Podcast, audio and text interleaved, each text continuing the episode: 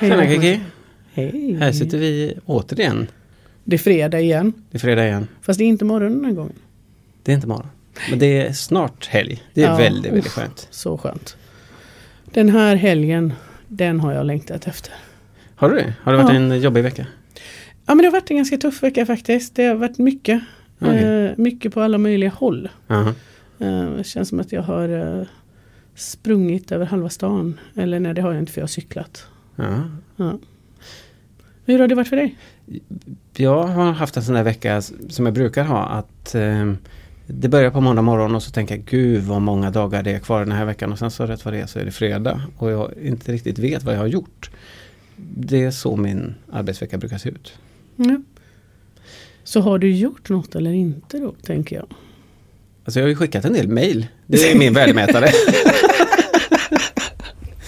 vi har ju fått in, eh, eller vi brukar få frågor eh, som fackliga företrädare hur man gör när man har ett problem med sin arbetsmiljö. Mm. Och då tänker jag att vi svarar på den här frågan genom att beskriva hur arbetsgången ser ut. Ja, och, och lite snabbt liksom. Och så Mm. blir det sån där kort avsnitt med bara en Mm. liten fördjupning i det. Kortisen Kortisen. blir det. Ja. Om jag upplever att jag har problem med min arbetsmiljö, vad ska jag göra? Ja men det beror ju lite grann på vad, vad det är för typ av Jag känner mig lite stressad på Mm. jobbet. mm.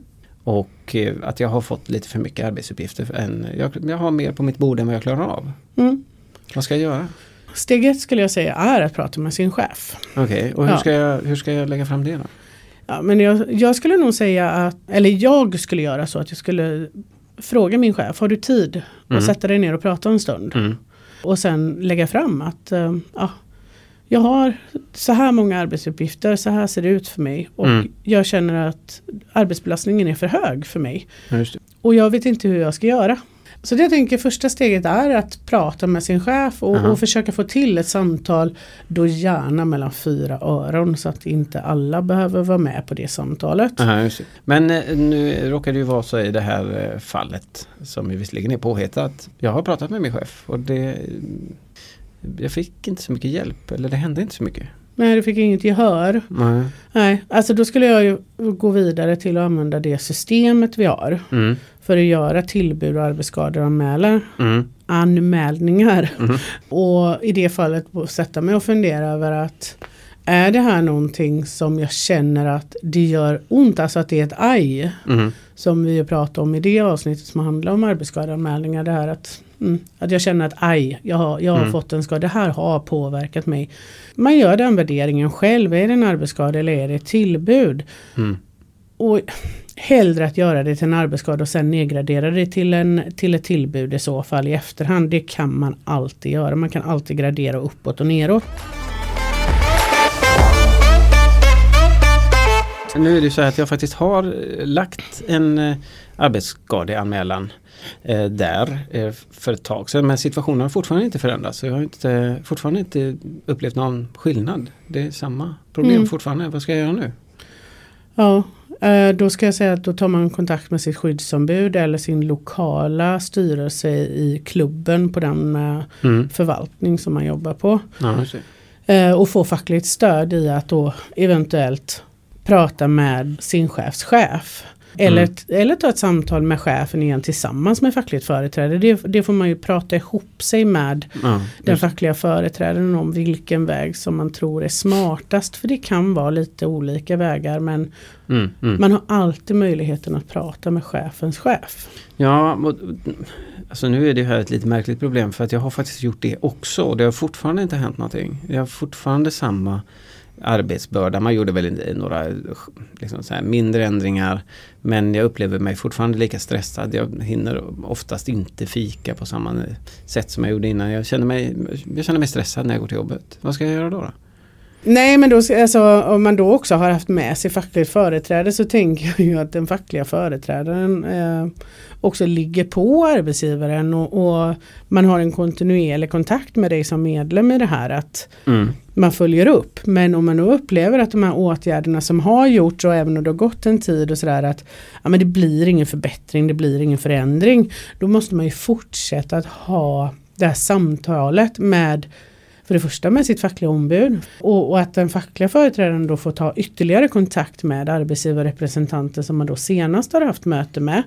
Alternativt då om det har varit närmaste chef att man då tar den där kontakten med överordnad chef. Men man kan också ta en kontakt med till exempel HR mm. eh, som mm. facklig företrädare då att vi har den här medlemmen och medlemmen mår jättedåligt. Det har gjorts vissa saker men det är inte tillräckligt. Mm. Finns det någonting som HR kan vara behjälplig med? Mm. Men den kontakten behöver ske via ett eh, skyddsombud eller fack, ett fackligt ombud. Ja, det. det. är inget som man gör på Förstå. egen hand. Och om chefen inte, alltså jag har uppmärksammat min chef på det mer än, mer än lite grann liksom, så att jag mm. verkligen förstår att budskapet mm. har gått fram. Ja, jag har varit tydlig med att det här funkar inte i längden. Nej. Jag känner mig stressad och vill ha hjälp. Mm. Eh, och chefen fortfarande inte gör någonting. Ja, och man har gjort den här anmälan i systemet så att den, liksom, den finns där på plats. Mm. Uh, och fortfarande händer ingenting. Ja, men då är det ju chefens chef. Och, och när man kommer till, till den, här, den här nivån i organisationen, att man är uppe på överordnad chef och så. Det skulle jag aldrig rekommendera att man gör utan att ha med sig ett fackligt ombud på plats. Ja, Samtal med sin närmaste chef, det är nästan att rekommendera att göra det i första hand utan fackligt ombud. Så för att sammanfatta det här då, eh, kortisen, är, upplever du arbetsmiljöproblem så ska du prata med din chef. Ja. Om eh, din chef eh, inte lyssnar eller att du inte märker att det gör någon skillnad att du har pratat med din chef så kan du göra en, en tillbuds eller arbetsskadeanmälan.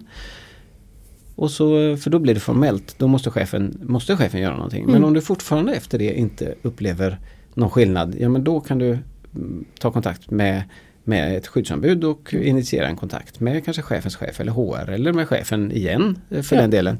Eh, för att, för att tydliggöra att det här är ett problem.